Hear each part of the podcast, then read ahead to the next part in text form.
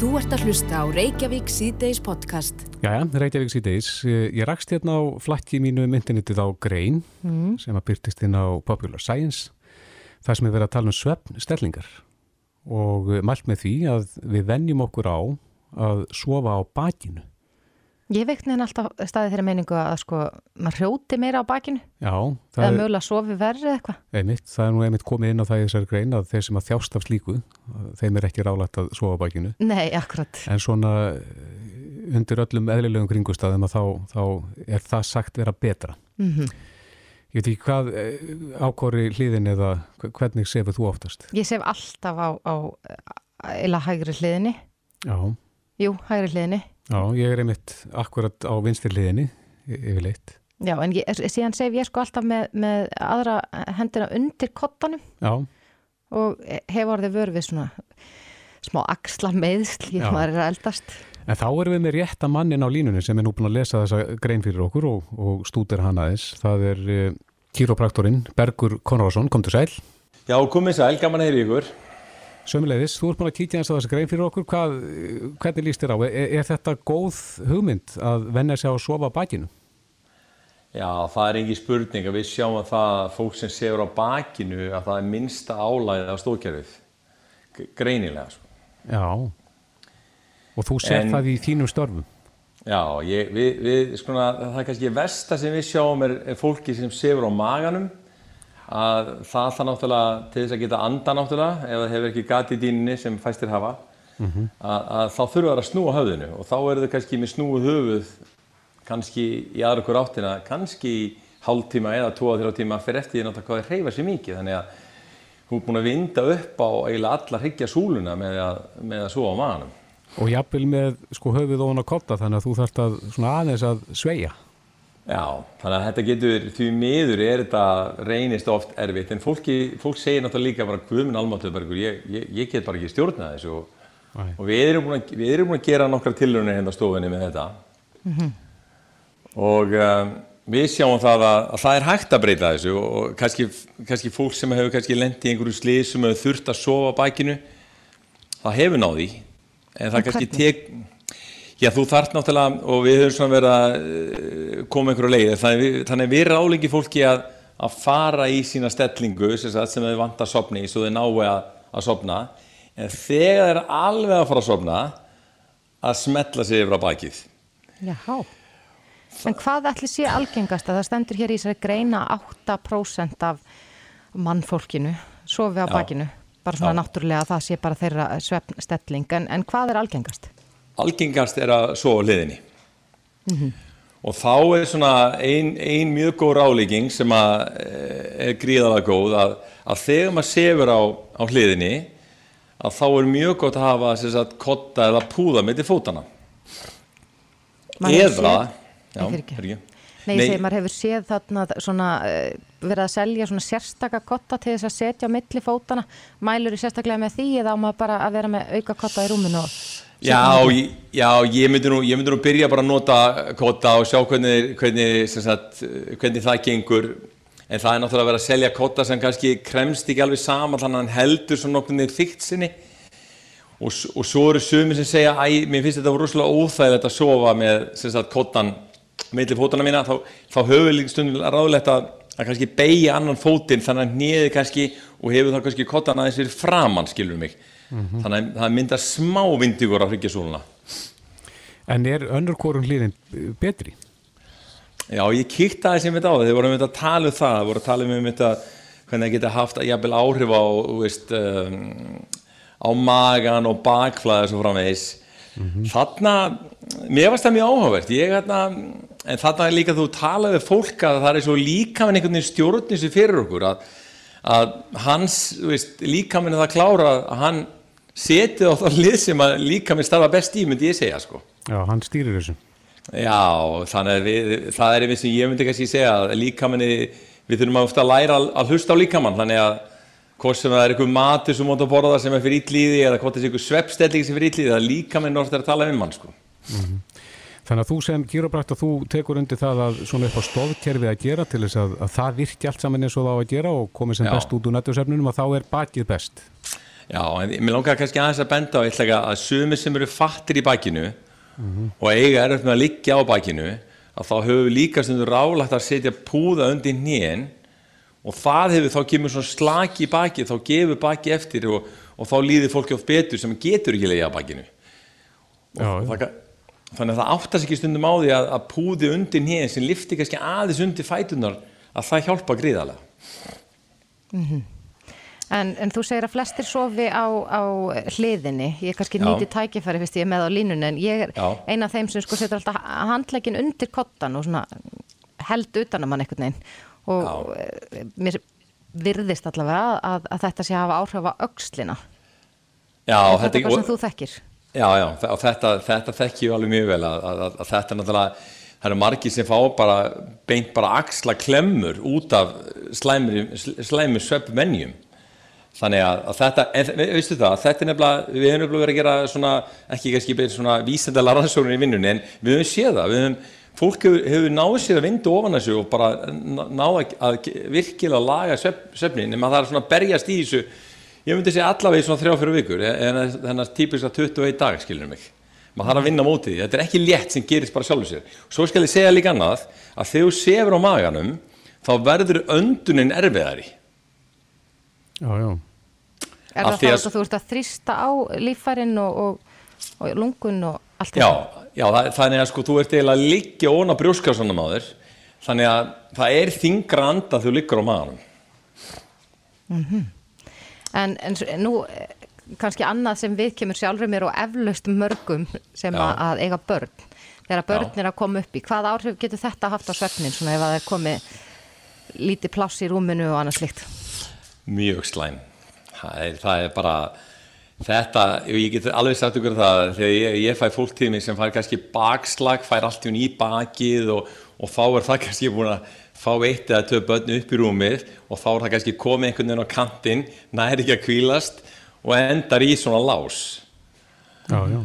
þannig að lásin þarf vel að fara á hurðina skilur mig, það er oft erfiðar en sagt skilur mig. Já, frekar heldur en bakið.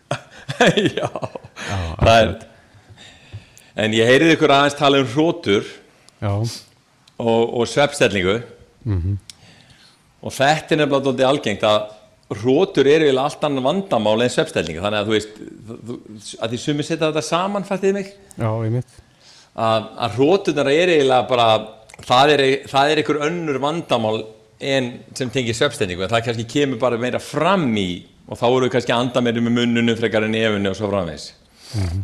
Akkurat Þannig að við ættum nú flest að, að fara að reyna að temja okkur það að sofa bætjun ef, að, ef okkur tekst það, en, en þú segir að við hefum að velta okkur að bætja svona rétt áður en við festum söfn.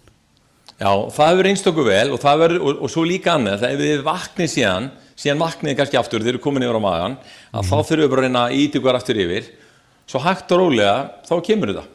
Já, fín ráð, Bergur Konnarsson, kýrópraktor, gaman að heyri þér, kæra þakki fyrir spjallið. Já, sömulegis.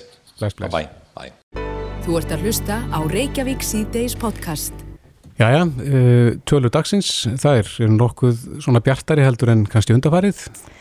Já, það verist vera og Víður Reynursson, yfirlöglu þjótt hjá Almannavarnatild Ríkislauglustjóra, mhm. segir mm -hmm. að, að þetta sé marktækbreyting og, og að þetta sé bara, já, góðar frettir. Já, jafnvel sko tilipni til þess að áalla að, að faraldurinn sé rénun. Kári Stefansson, Íslenskri erðagreiningu, fórstjóri þar er á línu, kom til sæl. Komið sæl. Tekur þú undir þetta að þetta séu fyrstu merkið þess að við séum að sjá faraldun í rénun? Ég, ég hef tvær aðhversendir við þetta.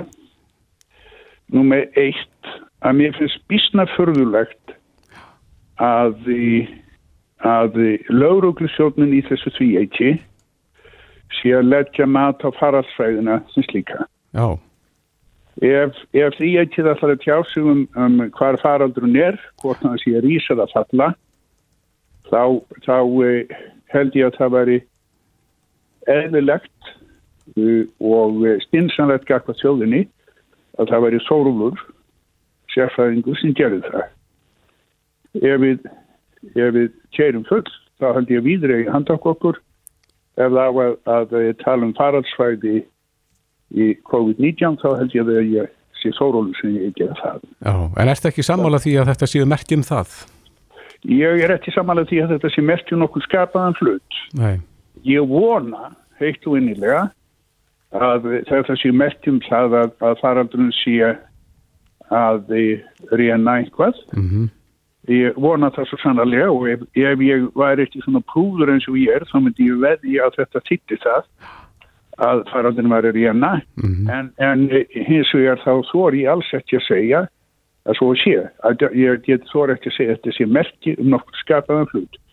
Við höfum séð það fyrr í, í, á þessu hösti og í sumar að faraldurinn sveiflast upp og nýður til svolítið að hrapp. Mm -hmm. Þannig að, að þegar, þegar verið er að tala til þjóðurinnar frá þessu eiti sem hefur verið að halda utanum sóttarninnar þá held ég að þessi gífulega mikilvægt að tala varlega eins og Þórólfur gerði í dag þar sem hann sagði að þetta væri, væri hann vildi alls ekki líta þetta sem, sem stýrt merkjum það að þetta væri að færi að færi til þetta horf. Mm -hmm. Er segja eitt af því sem að við verðum að letja okkur fram við núna þegar við erum að horfa á þessa pest sem er innan við eins ás að aldrei að læra eins mikið af því sem við erum að horfa á eins og mögulegt er og eitt af því sem ég finnst að við erum að hafa lært er að það er eins gott að fara varlega í að lýsi við síri. Já, heldur að fólk slaki kannski bara ómeðvitað á já, sóttvörnum til dæmi sem maður heyri svona lagð? Já, nú er þau þess að hissa því hvað ég er harðorður í gerð víðir sem er indisluðum maður. Já, svolítið, já. Já, alveg sko, ómælanlega en glæpsamlega svo. en, en, en ástæðin fyrir að þetta pyrrar mig er að ég, mér sínist eins og maður sjáu að þegar svona er sagt mm -hmm.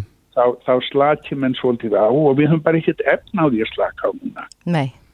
Var... Nú, mér, finnst, mér finnst að, að nú hafum við fengið ástæðu til þess að halda áfram að hafa okkur brúmanlega akkvært veirinni og við höfum að halda þessu áfram. Mm -hmm. Þú talaði nú við okkur hérna um daginn áðurina að uh, já, líst var þeim aðgerðum sem gripi var til núna um mánaðamótin. Ertu Ertu sáttur með þetta eins, en, það er reglur sem settar voru eða ertu ennþá þeirri skoðan að hefða þetta ganga lengra? Sko að það skiptir einhver máli hvernig þetta kemur út núna.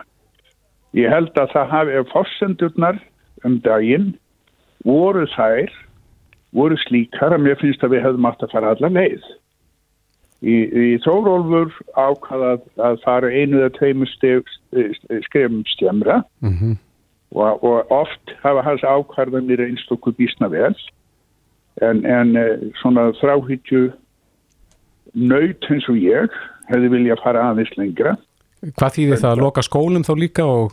Nei, mér fannst þess að við hefðum átt að holfa skólanu nýður strax við hefðum að við hefðum átt að loka veitingahúsum alltjóðlega að við hefðum átt að, að, að, að loka öðrum vestlunum heldur um það sem eru nöðsulegar eins og naturvestlanir og og apotek og svo framvís. Mm -hmm. Þetta eru smáatriði. Í heldina, í heldina finnst mér er uh, sótvarnar í völd hafa tekið á þessu myndalega, hafa tekið á þessu af skilningi og alvarleika.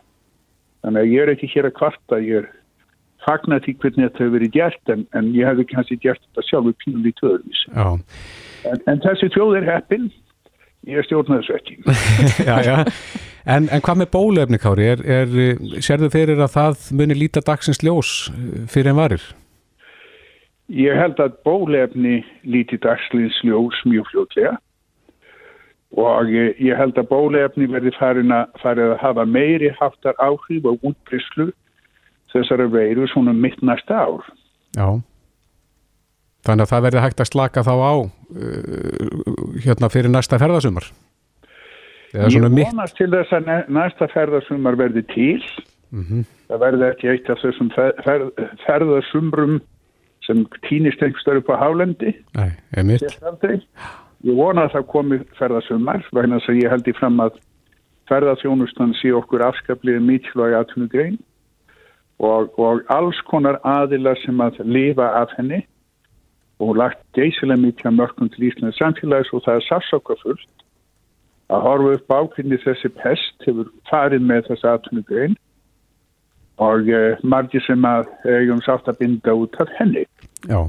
En, en ég held að, sko ég, við höfum mikla ástöðu til að, að vera bjart sín. Ég er til dæmis alveg handvissum að við komum til að ná stjórna þessari bildu og aflegginginu því verður svo að við getum leift skólahaldi að, að ganga sem gang, sem venjulega gang Mm -hmm. og ég held að það sé, það sé að, að ég vera aðal markmiðið að ná þess að þann veg að, að börn og úlingar geti sótt, sótt skóla eðlinan mat og það er ekki síst mikilvægt fyrir úlingana þannig að þegar þú er komin í mentaskóla þá er mjög stór hlut að því sem skólinn leggur á mörgum er að þjálfa því að vera mannestja innan maður er mannestjur og það gerur ekki gegnum Zoom.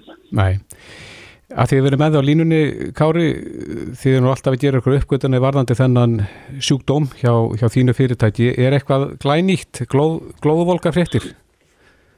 Það eru engar fréttir í dag en við erum með nokkra rannsóttir í gangi. Og, og eh, ég hlakka bara til þess að sjá þeim lokið svo við getum fært ykkur fréttir.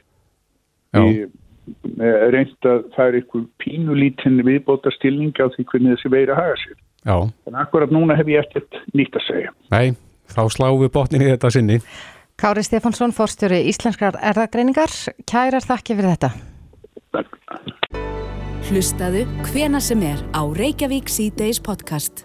Reykjavík C-Days á bylgjunni. Ég uh, rakst á hérna Facebook-færslu Já. hjá manni sem við þekkjum nú flest Mhm. en uh, hann segir frá því að í gær var sagt frá því sænskum fjölmiðlum að sjúklingur á 60 aldri sem að síðastlega voru veiktist illa af COVID-19 hafi fengið ígrætt lungu á salgrenska háskólasjúkrahúsinu í Gautaborg. Já. Þetta er hann Tómas Guðbjörnsson, hjarta og lúnaskurleikni sem að segja frá þessu og hann er á línunni, kom til sæl. Já, sælveri. Og eh, einn af þeim sem að tók þátt í þessari eh, hérna, aðgerð, hann er vinur þinn og samstagsfélagi það ekki á landsbytalanum meðal annars. Já, þessir tvær skurlegnar sem að framkvæmda aðgerðina og ég teka fram að þetta er stórt heimi, lúnalegnar og, og, og fleiri sem að koma að þessu en, en þeir eru miklir Íslandsvinir, það er annars vegar Jörand Elgren sem er profesor og, og svona yfir ígræslu deildinni fyrir hjarta og lungu í, í hérna Svíþóð og Martin Silvebón sem að leitt lúna ígræsluna þar. Og, og hérna Martin er ymmit að vinna hérna núna á Íslandi þessar vikuna, hann er að hjálpa okkur aðeins við að við erum í smá mannhallari og, og hérna þannig að mér var svo frábært að við vorum að gera aðgerði saman og hann var ekkit að minnast á þetta fyrir að maður sá þetta poppað upp á öllum sænskuð meilunum í gær og ég held að hann hafi verið svo síðast sem aðeins til fylgtina. Já, lítið látur með þetta. Já, hann er það nú en, en það er bara, maður er bara stoltur af því að, að hérna, við, við Íslandika séum í tengst við svona öfluga deild eins og þessi deildir í, í Gautaborg. Þeir eru á, á heimsvísu í ígræðslu ímis og líffara, til dæmis er að grætt í leg í, í, í konur sem ekki hafa geta eignast börn og þeir hafa verið svona frum, frumkvælar í ímsu sem smertir ígræðslur og núna sér eru þið búin að dræða í lunga í sjúkning sem að er á besta aldri og, og hérna var þetta útskriðað fyrir vikunni aftur til Stokkons, þetta var svíi Mm -hmm. og en... þetta þykir merkilegt því að það bara verið gerðar örf á svona aðgerðir í heiminum Já. sem betur þeir kannski mann getur maður líka að það er sem ég vil taka skipt fram að það er mjög sjálfgeft að, að COVID leiki lungun svona illa þetta er sett á lungun eru bara ónýtt og óstarfa eftir síkinguna og oftast jafna lungun sig og þannig að það þarf ekki koma til svona svona drastiska aðgerðar en þarna er allavega búið að bjarga lífið þessu einstakling. Já, það segir hér í þessari fæsli sem þú skrifaður að hann hafi verið í, í að sjúklingun hafi verið í öndunum við svo mánuðum skipti uh, og svo í 40 daga á, á þessari ECM og dælu sem kom í stað og starfhæfra lungna. Uh, hvernig, sérst, með þennan sjúkling, er, þetta er manneski á 60 aldri, var hann með undirleikjandi sjúkdóma áður eða, eða er búið að koma staði hvers vegna COVID-19 hefur leikið hann svona grátt? Nei, ég bara reynlega þekki það ekki. Ég tekka fram að ég var ekkert viðlóndi þetta tilfelli og það hefur ekki komið fram í, í sænsku meilum nákvæmlega um svona smáatriðin í, í þessu. Það rekna með því að það komið fram síðar. Mm -hmm. En það þarf ekki endilega að vera uh, þannig að þessi sjúklingar sem veikja svona illa séu með einhverja þekta undirlegjandi sjúkdóma. Suma leikur síkningin því meður svona illa en ég teka fram og það er mjög mikilvægt fyrir þá sem eru að hlusta lang oftast að náttúrulega jafna lungun sig, jafnvel þó að sjúklingarnir getur fengið alvarlega við kvöldum þetta bráða lungaska það er kallað ARDS á ennsku og það er ástæðan fyrir því oftast að þessi sjúklingar þurfa önduna vel og við hefum haft allt nokkra slíka hér á Íslandi. Mm -hmm. og, og sem er hafa kannski ekki alveg klára sig en flestir sem betur fer. Langt flestir hafa útskjöfast og, og, og hérna þannig að við erum stolt af því hvað hefur gengið vel með þessar sjúklingar í okkur sem hafa þurft að fara inn á gjörgjöfluna og fá svona flóknum meðverð. Við erum líka með svona ekkmátæli hérna á Íslandi, við hefum beitt henni töluvert uh, í, í mörg mörg ár og, og það hefur gengið vel og, og hérna sem betur þeir hefur ekki þurft að beita henni í þessum tilökum en. En þegar að faraldurinn kemur fyrst upp, Tómas, þá, þá var nú að tala um að þetta væri öndun að færa sjúkdómur, en svo hefur manni fundist eins og það sé eitthvað að, svona, eitthvað að breytast. Er það reyndin? Já, ég held að það sé alveg rétt, en þetta kannski leggst vest á öndunafærin og lungun og engininni í byrjunni er oft svona tengt lungun, en, en við sjáum það bara að því sjáum að, hérna, það hefur verið að lýsa bólgum í alls konar lífærum, ekki satt eins og hjarta og jafnvel heila og, mm. og, og og það er verið að tala um að margir hafi ekki satt missi bræðskinni og það er jafnveld svolítið tíma að koma aftur jafnveld og veiran sér farin úr slímóðanum í, í kokkinni þannig að þetta er miklu floknara heldur en kannski menn taldið fyrstu og, og, og er verið að rannsaka á fullu. Mm. En þú segir já, aðeins að, að þessum aðgerðum sem að þið eru að framkvæma hér á spítalunum þegar nú er búið að, að draga úr þeim fjölda og þið eru komið með þennan fína liðsöka frá Svíþjóð. Mm. Eh, hvernig er staðan á aðgerðum? Já, ég teka fram sko, hann er ekki koma endilega út af ástandinu hér en við, við þurfum náttúrulega eins og aðra að komast í, í frí og svona og við þurfum líka að passa okkur upp á því að við erum ekki allir samtímis í vinnu. Mm -hmm. Þannig að, þannig að ef við kemum upp síkinga við séum ekki allir úr leik því að við erum að sinna þessum aðgerðum og þessum vöktum eh, alla daga ásins 24 tíma á dag. En, en staðan er þannig núna að við erum kannski á skurðstónu hérna í Ringbröð svona halvu prógrami og það er meira meiri samdráttur í, í, í fósfói og það er það aðalega vegna þess að, að þessu aðgerið svo kvölda valkvæðar aðgerið þar sem að sjúklingurinn getur beðið, þannig að þetta er ekki með lísættilegan sjúkdóm að, að þeir sjúklingar sem getur hugsalega þurft gjörgisla eftir sé ekki að taka pláss frá sjúklingur sem er þá með COVID og þurfa önduna vilja aðstof þannig að það er svona ástæðan fyrir því að það er búið að draga þetta mikið niður mm -hmm. í prógraminu.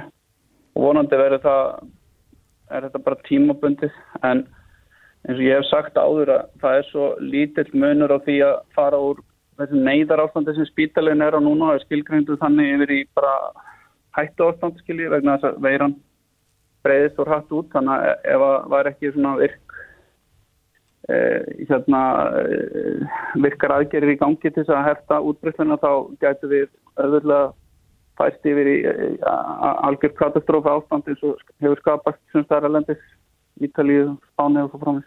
Já, þannig að þú ert sammála því að, að það hafi verið rétt að grípa til þessar aðgerða núna til þess að ég er forða þá stórslýsi á spítalunum.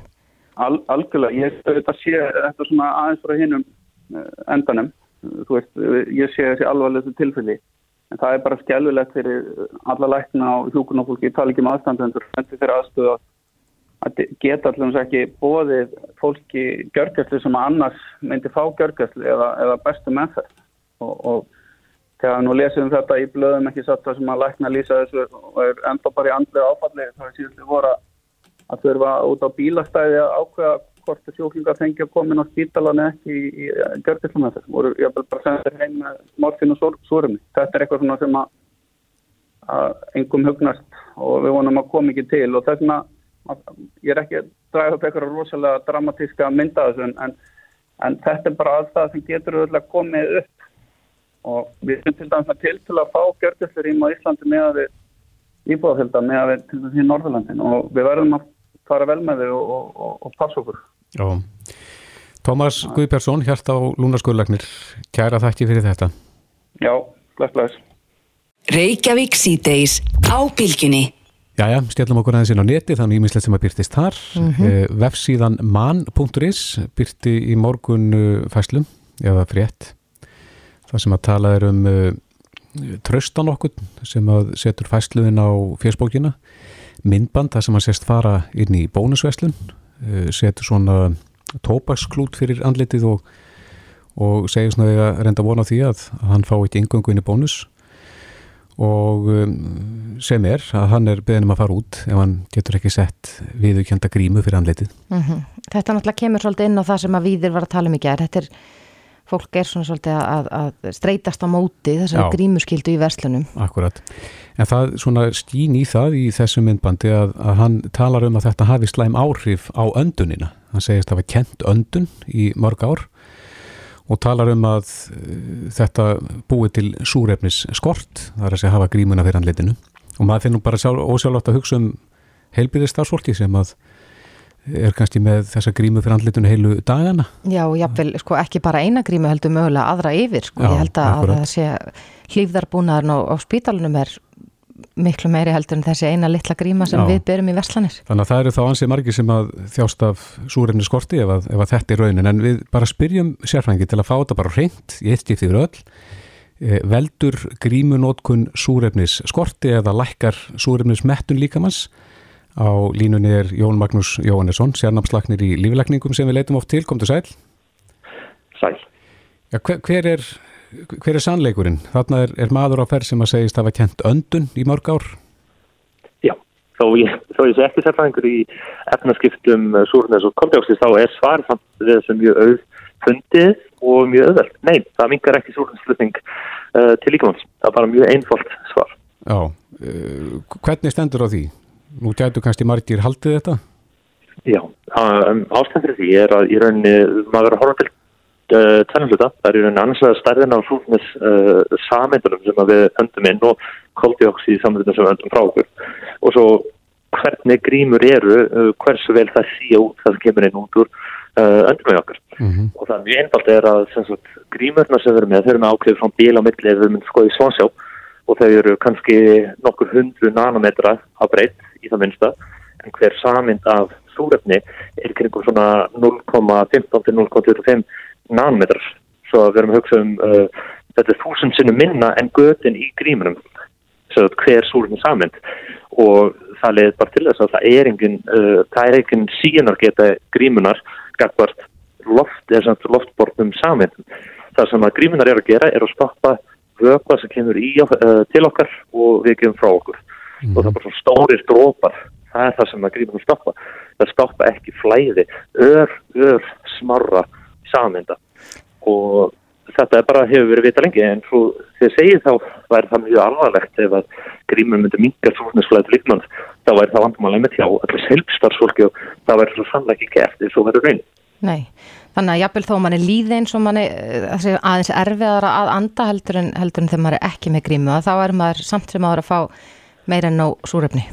Já, ástæðan fyrir því að maður finnir svolítið fyrir þessu tilfinningu er kannski tvennskonar, það er í fyrstulega margar upplifa og ekkert skrítið svona innilókana kent þegar það er eitthvað fyrir munninum mm -hmm. og svo er það rakin sem við öndum frá okkur, það leiðir til þess að uh, rakin inn í svona það sem svæðið sem að gríman er að loka á, það er meira rakið af það og fólki finnur alveg munin á því lofti og finnst það svolítið þúandi, þetta er eins og þegar maður lappar inn það sem rakastíði mjög hátt þegar við búum hér það sem rakastíði er almennt frekar eða hlutallega frekar látt það maður finnur alveg fyrir því. Já, en þetta er ekki mingar svolítið flæði.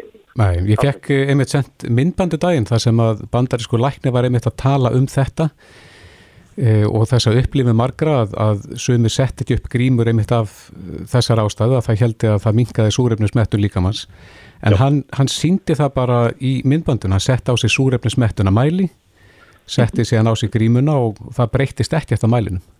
Nei, og með þess að það kom út nýla rannsóknum dæn sem var skoðað þetta í öllu stærhópi, þá voru 20 eldri einstaklingar sem voru með öllu viðkamera lungu fyrir, þau voru sem sagt eh, tengduð mættarmæli og svo var skoðað meppin áður að það setja grímur á, svo var allir uh, látnir setja gríma á og vera bæði kvild og svo reyfa sig með grímuna. Mm -hmm. og svo séðan taka grímuna af og skoða hvernig mettin var yfir allt þetta tímum og það var ekki bara lítum að það var engin munur.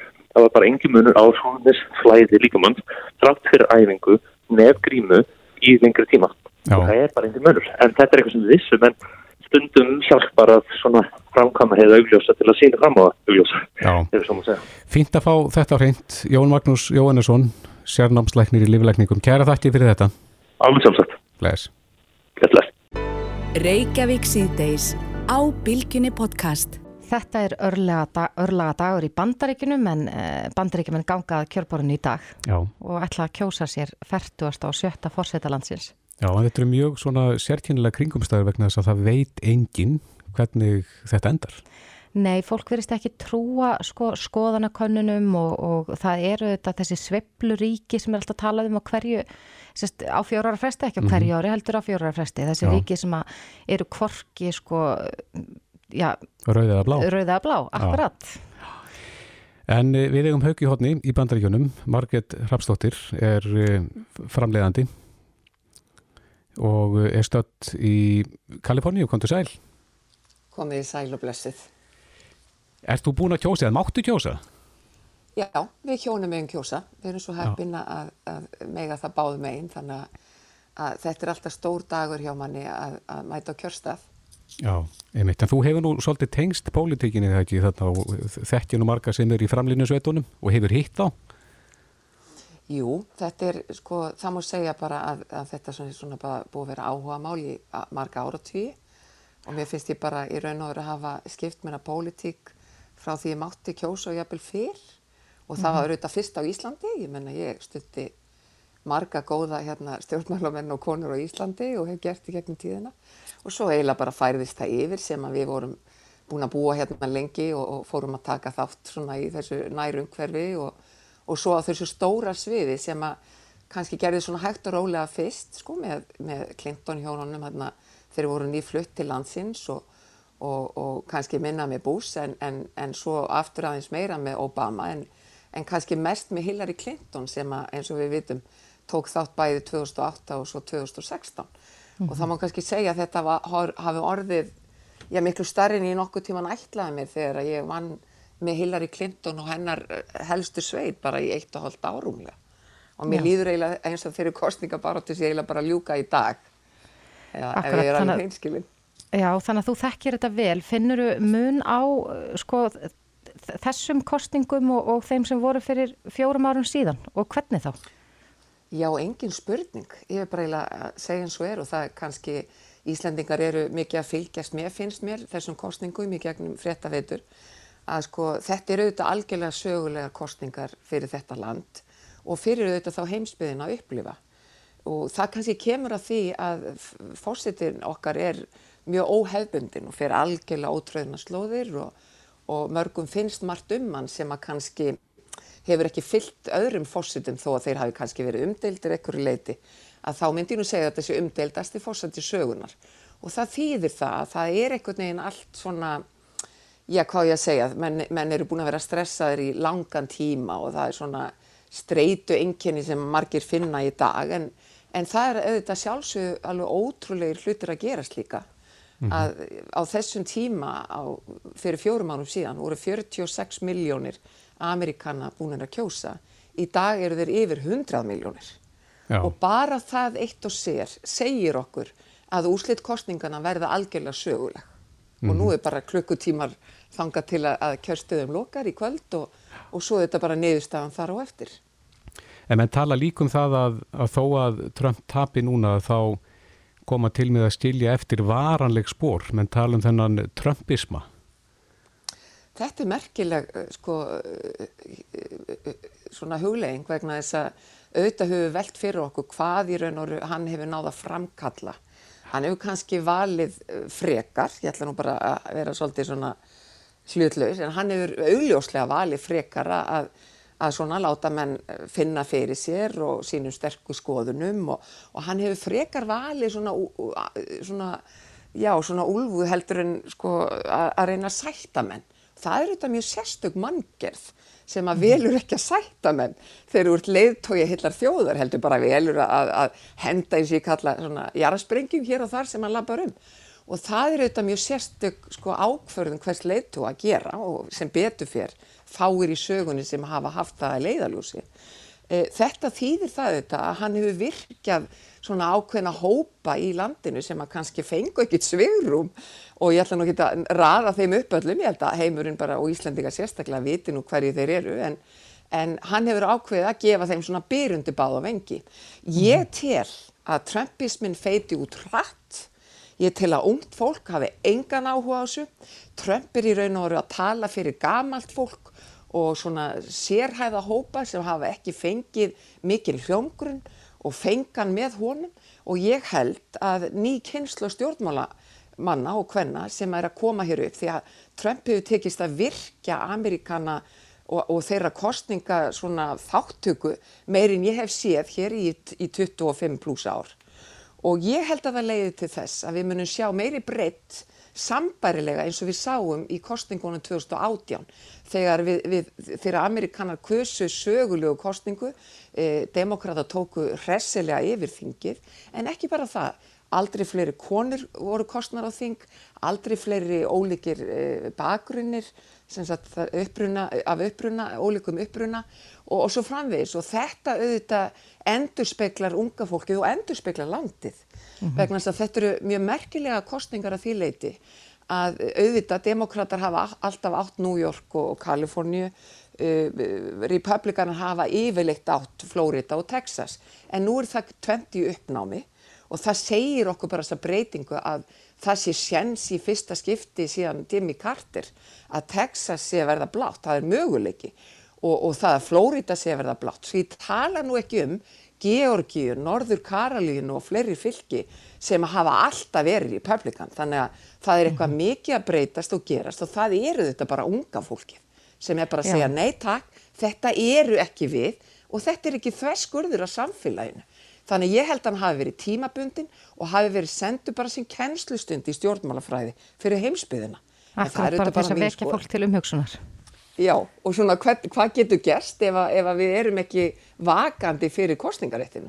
En eins og þú hefur sagt hér frá, þá ertu búin að búa þarna lengi og, og þekkir þessi mál nokkuð vel, en, en eh, Donald Trump er vissulega mjög umdeltur, en eh, Joe Biden er það svo sem líka. Heldur þú að hann sé með haugi hórnum með því að hafa Kamala Harris sér við hlið? Sko, það er engin spurning og hann að þekki ágætlega og kann afspurnu vel við hana og hef svona, hvað ég segja, stutt hana í gegnum hennar fyrst hérna kostningabaróttu og svo auðvitað hennar, hennar þáttöku núna sem þessi sko fyrsti sögulegi uh, hvern hérna frambjóðandi svarti bandaríkjana sem er auðvitað alveg einstakt og hún er, hún er frábær kona og kostur í alla staði og henn er ekki bara treystandi, hún hefur hérna unnið afreg og þess vegna er hún komin á þann stað sem hún er. Til dæmis var hún afreg í að venda Eh, fjölskyldur og fastegna eigundur sem lendi ítla í því 2008. Íslandikar hefði margt mátt læra á því og bankakerfið hvernig hún hjálpaði þeim sem voru með þessi lán. Þau voru færð tilbaka og, og bætur færðar fastegna eigundum. Það var í raun og vera hennar svona claim to fame fyrir almenning og þetta var bara eins og hrói höttur í, í hvern hérna líki. En uh, Joe Biden, ef við bara skoðum sögu Joe Biden, að þá auðvitað er hann búin að vera mjög lengi, mjög farsæl stjórnmálamadur og hann hefur alltaf valið að velja að vera sáttamadur, leita samnefnara en ekki, ekki kannski eins og Trump hefur svona notað sem enkenni hvernig getur hrist nú hressilega upp í þessu í staðis að reyna samina mm. og menn bara treysta því og það eru mjög margir í publikanar, bæði búnir að kjósa bætin og er að kjósa bætin sem að segja bara ég treysti bara manninum til þess að samin okkur um aðal atriðin og auðvitað þetta stórmál heimsbyðarinnar í dag sem er bara COVID, hvernig komist við í gegnum þetta og hvernig nær efnaðanskerfi heimsins að, að, að byrja að vinna sameiginlega á ný því að hvað sem okkur líkar það betur að vera, þá búum við í sameiginlegum heimi og Já. það er ekkert að fara, það er komið til að vera. Mm -hmm. En Magga, óttastu að það verði óraliki núna eftir kostningarnar og svona menn spá því að hann komi hugsanlega til með að, að valda ykkur um óróa svona lýsir í sigri áður en það búið að telja all atkvæðin? Sko hann hefur áður gert sér fýblu og það verist ekki skipta neinu máli. Þannig ég ekkert vona því að Donald Trump fara að haga sér eins og fórseti í dag eða kvöldið á morgun. En sem betur fyrir er hér líðræði og ef að sá sem er verður líðræðislega kosin í gegna þessa kostningu að sjálfsög verður næsti fósitt í bandarækina. Þannig að Amerikanar uh, þurfa ekki að hafa neinar ágjur af því að þegar allt hefur verið rétt tali upp úr körsonum og þetta hefur bara farið alveg einstaklega fríðsamlega fram, hugsa ykkur 100 miljón atkvæði komin í kassana og það hefur ekki verið neitt neinstað eitthvað að keira um og þetta er stórt land, það er erfitt að hafa stjórn á öllum en kostningarnar hafi farið mjög fríðsalega fram. Það er hins vegar auðvitað mjög sorglegt að það er farið að negla fyrir glugga á einhverjum verslunagötum þar sem menn hafa fengið einhvers konar hótanir og eitthvað slíkt. Það er mjög leiðilegt en er það ekki bara í raun og orðu tákgrænt fyrir Trumpismann? Og ég spái því að ef að bætin verður fósiti þá verður orðið ró og friður í bandaríkjónum svona innan þryggja vikna í kringum þengskifin. Fólk eru orðið þreytt, vennilegar fjölskyldur hérna er bara, eru að díla við COVID eins og Íslandi og, og, og bara almenningur vil bara fara að, að fá einhvers konar svona leiðréttingu á þessum skrítna kúrs því að Trump gafst upp fyrir COVID og það auðvitað gengur ekki þegar að vera að loka helstu þjóðum heims og, og reyna að ráða við þetta einhvern veginn vegna þess mm -hmm. að við vitum það að við þurfum að lifa með þessu og það er í raun og veru bara í raun og veru sko verkefni helstu leiðtóa þjóða að saminast í það hvernig förum við að þessu, hvað má læra þeim sem hefur gengið vel og hvernig bara leysum við þetta og, og förum í gegnum þetta. En Trump hefur ekki verið sá þjóðarleitói að kalla saman þjóðir heims og þeir eh, held ég bara eflust býða eftir niðurstöðunni og hvað gerist svo. Því miður þá hefur hann bara gefið þar hlutverk frá sér sem Já. er auðvitað mjög sérstaklega. Já, við fylgjumst spennt með þessu í dag og í nótt en Margreit Trapsdóttir, aðtapnakona og framlegandi í Kaliforníu. Kæra þakki fyrir þetta. Takk elskuðunar og, og hérna góða skemmtun. Reykjavík síðdeis á Bilginni podcast. Reykjavík síðdeis á Bilginni. Ég rak, rak augun í það að samtök atvinnulífsins starta fyrir uh, ja, þemamánuði núni í november mm -hmm. og í þetta sinn er, er þessi mánuður helgaður jafnbretti og fjölbreytileika. Já. Eitt af því sem að, að fellur þar undir er afstæða samtaka atvinnulífsins að, að, sko, að þessi dýrmata þekking eldrafólks nýtist í nýtist at, í atvinnlífnu mm -hmm. og, og vilja er að vera sko, stöðla að meiri umræðu um sveianleg starfslokk og þetta hefur nú oft verið rætt hér í, í þessum þætti. Einmitt og svona ákallum það að, að útvíka þetta eins mm -hmm.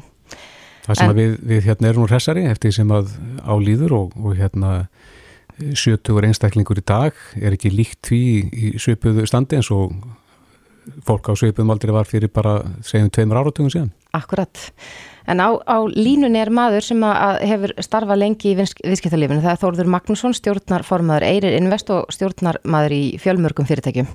Komdu sæl. Komið sæl. Já, þú hefur nú sjálfur verið já, þeirra skoðunar að eh, sveianlega starfslokk séu það sem komaskal í raun og veru að, að það ætti að tegja þetta lengur, að leifa fólki að, að sinna sinni vinnu og meðan að það vill ennþá starfa. Þú hefur heilsu. Já, ná, nákvæmlega, ég held að þetta skiptir bara geysilega miklu máli, menn það er þekkingur einsla sem er til staðar og við erum ekki það mörg hér á landinu að, að, að við höfum efni á því að, að hérna, víta því til hliða sem að getur vel nýst áfram sko. Mm -hmm. Hvað? Við horfum á þetta frá sjónaróli fyrirtækjana, frá sjónaróli náttúrulega einstakleikana sem er hlut, í, í, í hlut eiga þá skiptir þetta náttúrulega bara rosalega miklu máli að geta að lifa lífinu lífandi sko meðan á mhm. því varir sko. Þannig að bara það sem að máli snýst um og, og, og, og þessum búið yfir þekkingu reynslu og annað því og geta miðlað og stutt við að, að, að það skiptir bara geysilega miklu máli. Og ég er nú bara almennt bara þeirra skoðanum í atvinnlífunu og öllum starfi sem það er þannig að það þurfi fjölbreyti leika í því sem það verður að gera sem það er, er aldur, kyn eða eða mettun eða, eða, eða óleikur bakgrunnur á einsan hátt og, og það er alveg ég bæði, bæði þorfa á og pláss fyrir þá sem -hmm. eldri eru í því samingi sko. Emil, hvað eigum að fara hátt upp í aldri? Á bara að afnema þessi efri mörg? Ég er bara algjörlega að afnema að öll við með. Nauta þarf að eiga þessi stað og það skiptur úrskaplega miklu málu bara í öllinu, bara almennt að það fari fram samtala á milli vinnuveitenda og einstaklinga á hverju, hverjum tíma um það menna hvað hvað uh, hvað viðkomandi er fær um að gera. Það er einhvers að segja það að menn geti setið á eða eigi að setja á sína því, því starfi sem það hefði gent lengst af. Ég menna mm. þetta getur verið breytalagt og ég var þannig bara fyrstur í kvöld til, til Japan og þá, þá tók ég eftir því að það menn sem hafði verið bara mjög hátt uppi, uppi í í, í hýraskíinu áður, menn þeir voru að gegna kannski lítil vægari störfum þegar að, að, að, að aldurinn færðist yfir það var mhm. engin, þau voru ekki, voru ekki rekna heim sko. Nei, akkurat Já, það eru dæmið um það að fólki hafi einfallega verstnað og, og, og heilsan verstnað bara við það að hætta að vinna Jú, það er náttúrulega bara það, þetta skiptir allt svo rosalega miklu mála, alveg sama hátt held ég að það, menn það þarf að horfa á þetta náttúrulega bara mjög heilstað sko, þetta er líka spurningum heilbriðiskerfið og, og það er talað, talað um það um að það sagt að já, þetta lítur nú allt saman ágætlu út í þessum konum með lífskjara og sanninga og annað því og, og þetta verður nú betra þegar COVID er búið allt þetta. Já, en, en En, en, en þessi skiptir, skiptir uh, máli er það að menna óbreytt, þá erum við með, með, með heilbreyðskerfi sem er að halda bara áfram svona sem verður alltaf týru og týru. Þetta þarf ekki að vera svona. Það þarf að, að breyta hlutfallinu í, í, í, í því að,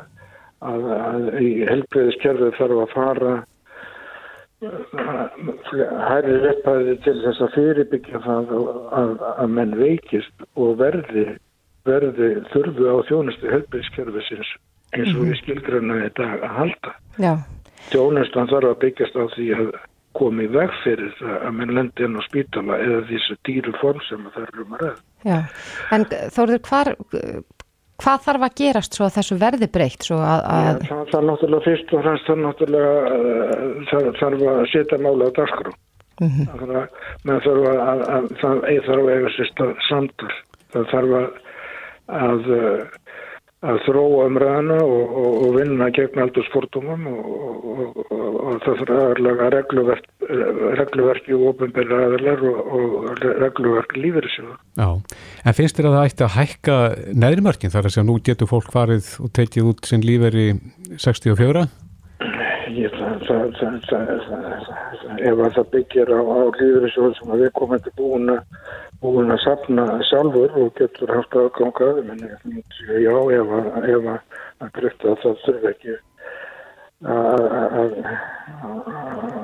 mann þarf ekki að framfæri ofnbæra sjóða sjóða í framhaldinu sko. Nei, þannig að Já, ég held að það er eins með segja líka eins og í þessu eins og hægt Já Já, við vonum að, að það verði samtal um þessi mál en það greiðilega mikilvæg þekking sem að þarna er undir. En Þóruður Magnússon, stjórnarformaður Eirir Invest, kærar þakki fyrir þetta. Takk fyrir, takk. Þetta er Reykjavík C-Days podcast.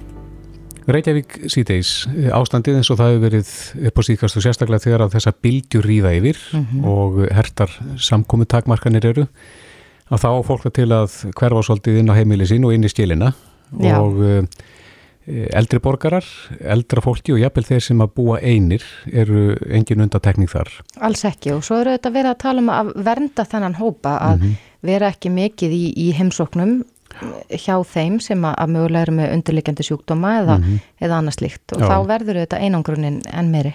Og þá spáum við svolítið í öryggi þessa hóps og sérstaklega þeirra sem að búa einir og um, eru kannski ekki, ekki margir í kallfæri er rálagt að, að þessu hópur hugi svona að öryggi sínu varandi neyðar nappa til dæmis eða eitthvað kemur upp á? Akkurat. Á línun er Hjörtur Vigfússon, hann er framkvæmdastjóri stafratnar þróunar hjá Securitas. Komdu sæl. Komið sæl. Já, er, er mikið um að, að fólk sé að fá öryggisnappa hjá ykkur núna og jafnvel einhver aukning á, á því? Heyrðu, þetta er, þetta er en góð spurning. Það er alveg svona jöfn og stöðu aukning bara á svona milli ára í þessum hópi. Þetta er náttúrulega bara stækandi hópur. Við erum að eldast og þess að það. Mm. En ég hérna áttur nú vonast að spurningu og fór nú bara aðeins í kynnti mér að það auðvitað sem ég kannski bjóst við þá var, var aðeins fækkun svona í fyrstu bylgið af umsóknum um neðanappa. Já þannig í april-mæ eh, en svo bara jafnaði þessi aftur og við venum svo sem ekki varu við síðan neitt hvorki aukningun ég bætingu, hún er bara svona jönd og fjett sko, mm. en mhm. það verðist ekki að voru neins sprengja í, í hérna, umsóknum um neðanappa. Nei, en það er kannski þá, það eru aðstandendur kannski sem eru þá frekar að íta þessu að fóröldum sínum eða ömmum og öðum. Það er enda, það er nú einlega svolítið svolítið gangur nýjus hérna, það langar að þetta öllum að búa heima á sér sem lengst sko, mm. og, og hluta því að líða vel og vera örugur Já. og hérna og þetta viljum við líka ætningi okkar og þá þannig að pappar og mömmur séu, séu örug og þá er það ofta með þeir sem sem íta svolítið á þessu vörð mm. sem er eitthvað alveg frábær sko. Og þetta er okkar verðmætustu viðskiptavinnari að þetta er sem það fólk sem okkur ekki hvað vennstum sko að við viðskiptum, það er þessi hópur. Akkurat, en það, það eru nú ekki bara sko eldriborgara sem eru með svona öryggisnappa, er, það, það er hægt að fá þá, já, jafnvel þó maður uh, þeir sem yngri eru Já, það, það er klálega sko, varan er rauninni bara til aðstof fyrir þá sem er búið þannig aðstöður að geitur þurft að leita eftir aðstof mm. og hérna þannig að það er við erum með, með svona örgisnapp alveg niður, niður í börn sko þessuna en meiri luti hópsins langt yfir 90% okkar visktaði er svona eldri borgars og hérna þá, þá líka meiri luti þá fólk sem kannski býr á því eitt En hvernig virkar þessi þjónust? Hvað, hvað gerist og hvernig búnaður er þetta? Tildulega einfaldu búnaður og hefur svo sem verið svolítið svipaðar í ansilengi. Þetta er sannsagt búnað sem fer inn á heimili fólks og, og hefða ídra á nappin sem að vil ber það nákvæmlega á ólið eða um háls að þá myndast talsamband við stjórnstöð og hérna við, við getum rættið fólkið og skinnjað það er kannski ekki nefndil alltaf að ræðið okkur en við, skinn, við getum strax byrjað að meta ástandi mm -hmm. og svo eru við með fjölda bíla. Við til dæmis að Segurdas erum með 12 bíla dreifðan höfuborgarsvæð og það er náttúrulega algjör forgangur í okkar, í okkar starfi, þetta er forgangsmál og þá förum við til fólks, við erum með likla af íbúðunum og hérna og aðstofan það í sem í þeim aðstofan sem kunna vera uppi. Eru svona nappar eh, að sína sig að virki? Já, þetta er, þetta er, þetta er margsýnt, en það er þetta sem niðugreitt af sjúkrapikningum fyrir þá sem menn, það geta allir fengið svona napp og það er bara ákveð mánu að vera þeim, en svo fá menn niðugreiðsla þessu ef að, ja, þeir eru metnið þannig að þau þurfu á því að halda. Svo er eins og er alveg frábær þróun bara eiga sér stað ákvör að núna einan svona nokkra mánu að verður komið fyrir aðra kynslu af svona nappum sem er þá hann að virka utan dýra, þessi nappar hinga til að verið innan heimilafólks það að nappar sem virka utan dýra og eru með miklu fleiri möguleikum og segja okkur miklu meira um líðan fólks. Eru þeir þá með simkorti? Þeir eru með, þú mútu komin í svolítið tænilegri mál, sko. Þeir annars verður þá tengjast, geta tengst við símtæki fólks eða þá er hægt, hægt að hafa nefn nappar með simkorti en þeir eru yfirleitt byggjar á einhverju öðrum tengingum. En nú spyr ég eflust einhverju sig hvort að þetta sé, já, barnsins tíma svona, svona tæki þar sem að nú eru lang flestir konu með síma sem er nánast samgróðum við hendina á fólki. Heldur að, að þetta, já, að símatnir muni taka við af svona öryggisnöppum í framtíðinu? Sko, já, veist, þróun er mikil og hópun er stekkandi og við erum náttúrulega við, við nálgumstanna held ég öll við þrjú sem við varum spjalla hérna. Þennan, þennan aldurshóp sko. Þannig að það er ómöld að spá um það en hins vegar þessi laust hún er svo einhvern veginn margsannast þetta er nafn sem fólk er með á sér við tekjum það að við getum skilja eftir síman við tökum ekkert endilega síman með okkur um allt hús og hann glemist þannig að vera með svona nafn við raunni áfastan við sig er gífilegt örygg Já. Er eitthvað uh, fallvörn í, í þessu eins og í, í appulúrunum þar að skinja nappurinn fall? Já, það er okkur þessi kynnslóð sem við erum bara búin að vera með í prófunum og erum, prófunum er lókið, við erum fyrsta sendingin að þeim er að leiðin. Það er komin fallvörð sem er inn í þeim. Þá hinga til ef við þá þurftum að leysa með öðrum, öðrum búnaði tengdum sem er þá einhverja mottur og eitthvað þess að þannig að við hefum alveg, við hefum getað fylgst með því að fólk dettur fram úr rúmi og þess að en þannig er komað miklu, miklu fullkomnari og, og hérna, einfaldari löst til þess að greina fall sko. Mm -hmm. Já, þetta er greinilega nöðsynlegt og sérstaklega kannski á, á svona tímum þar sem að fólk er mikið einangrað. En Hjörtur Vigfússon, frangotastjóri Stafrætnar Þróunar hjá Securitas Kæra þakki fyrir þetta. Heyrðu bara gaman að heyri ykkur og ræða málun Svömmulegis, bless. Bless. Þetta er Reykjavík C-Days podcast